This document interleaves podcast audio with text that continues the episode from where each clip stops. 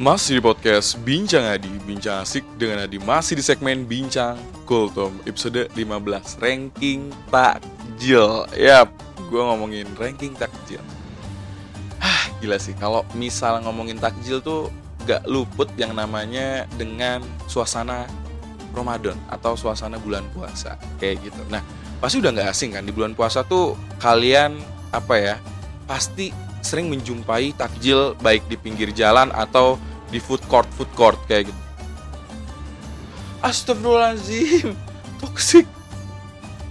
Ranking takjil ya. Hmm, gue bakal ngurutin uh, ranking takjil versi gue dan juga ada versi dari tempo.com tempo ramadan kalau gue lihat di websitenya. Jadi uh, tempo sudah melakukan riset tapi juga ada versi gue nih kayak gitu yang udah pasti versi anak kosan kayak gitu. Nah kalau kita ngomongin takjil tuh pasti udah gak asing kan dengan yang namanya takjil kalian pasti gampang menemukan di bulan puasa pastinya. Baik di pinggir jalan atau di food court atau di ya di resto seperti itu. Oke. Um, takjil bagaikan budaya yang nggak bisa lepas uh, dari masyarakat Indonesia pastinya. Nah terus kalau teman-teman bertanya-tanya lantas kenapa sih takjil sebegitunya disukai saat bulan puasa? Dan pasti teman-teman juga penasaran kan gimana sih historical dari takjil itu sendiri kayak gitu nah udah gua kutip dari ramadantempo.com kayak gitu awal mula tradisi pembagian takjil dan awal mula tentang takjil Takjil kini telah dianggap sebagai salah satu bentuk keistimewaan yang hanya terjadi di bulan Ramadan, kayak gitu.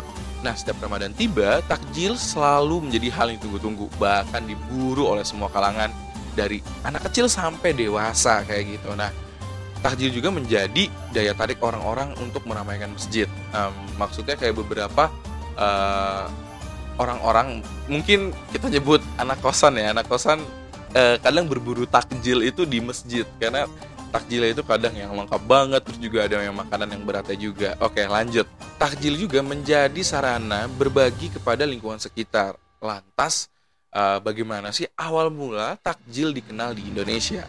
Nah dilansir dari Muhammadiyah or ID istilah takjil diambil dari hadis Nabi Muhammad yang diriwayatkan Bukhari dan Muslim, manusia masih terhitung dalam kebaikan selama ia menyegerakan berbuka.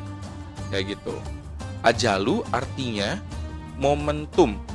Uh, momentum uh, tergesa-gesa menyegerakan atau mempercepat kayak gitu.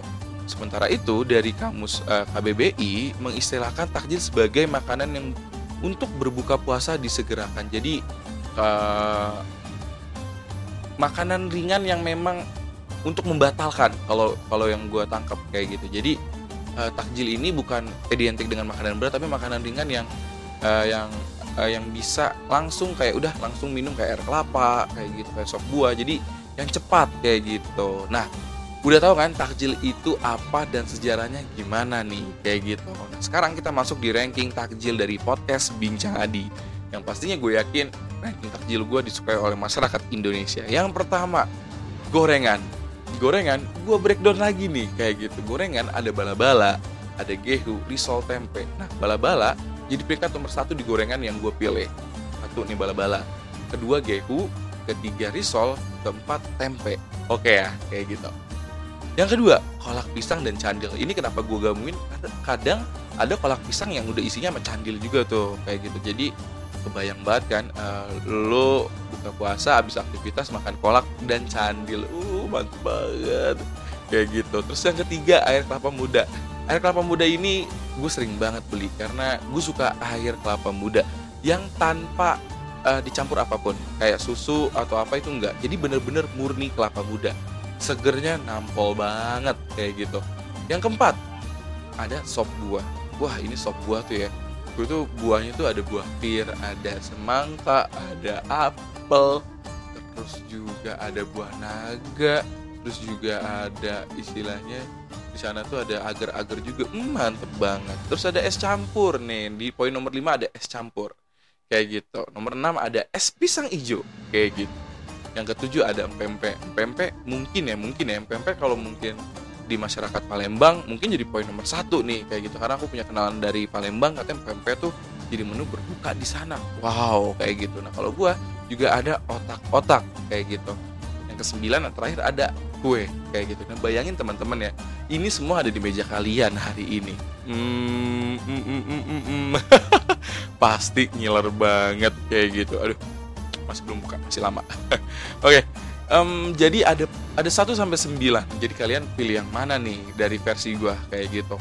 Kalau gua udah pasti anak kosan gak, gak luput dengan namanya gorengan kayak gitu. Gue juga nggak ngerti sih kenapa gorengan jadi daya tarik tersendiri bagi gua karena enak banget gak sih apalagi gorengan yang memang si bapak atau ibunya dia memasak di minyaknya tuh bener-bener ditiriskan banget kayak gitu hmm enak banget gak enak kayak gitu oke bahkan ada risetnya juga loh dari Tempo tentang ranking takjil oke kalian tahu nggak sih yang pertama itu sama kayak gue gokil nggak sih berarti gue sama Tempo nih selaras kayak gitu yang pertama Tempo bilang itu gorengan dengan 74 responden kayak gitu yang kedua ada kolak 72 responden kayak gitu. Yang ketiga dari Tempo ada nasi dan lauk pauk. Jadi makanan berat kayak gitu. Kayaknya memang banyak juga sih masyarakat Indonesia yang langsung makan berat kayak gitu. Yang keempat ada kue tradisional dari uh, 38 responden. Terus ada yang kelima ada uh, mie goreng. Wow, mie goreng enak banget sih memang.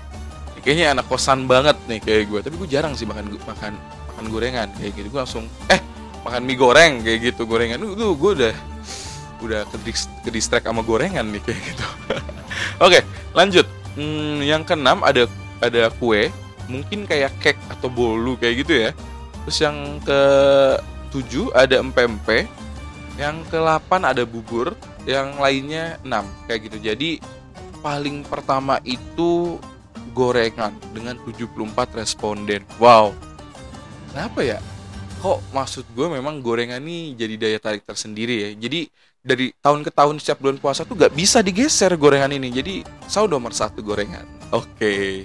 Itu aja dari gue tentang ranking takjil di bincang Tom buat podcast bincang Adi kalian suka takjil yang kayak gimana sih um, pengen yang manis-manis dulu atau yang asin-asin dulu atau juga bahkan podcast bincang Adi yang langsung makan nasi lauk pauk nih kayak gitu jadi drop aja uh, takjil kesukaan kalian di kolom komentar di bawah dan juga mungkin bisa cerita juga uh, keseruan berburu takjil kalian. Oke, gue Adi pamit. Selamat berbuka puasa dan thank you banget udah ngikutin podcast Bicara Adi. Jangan lupa follow, like, komen, dan subscribe kayak gitu. Gue Adi pamit. Dadah.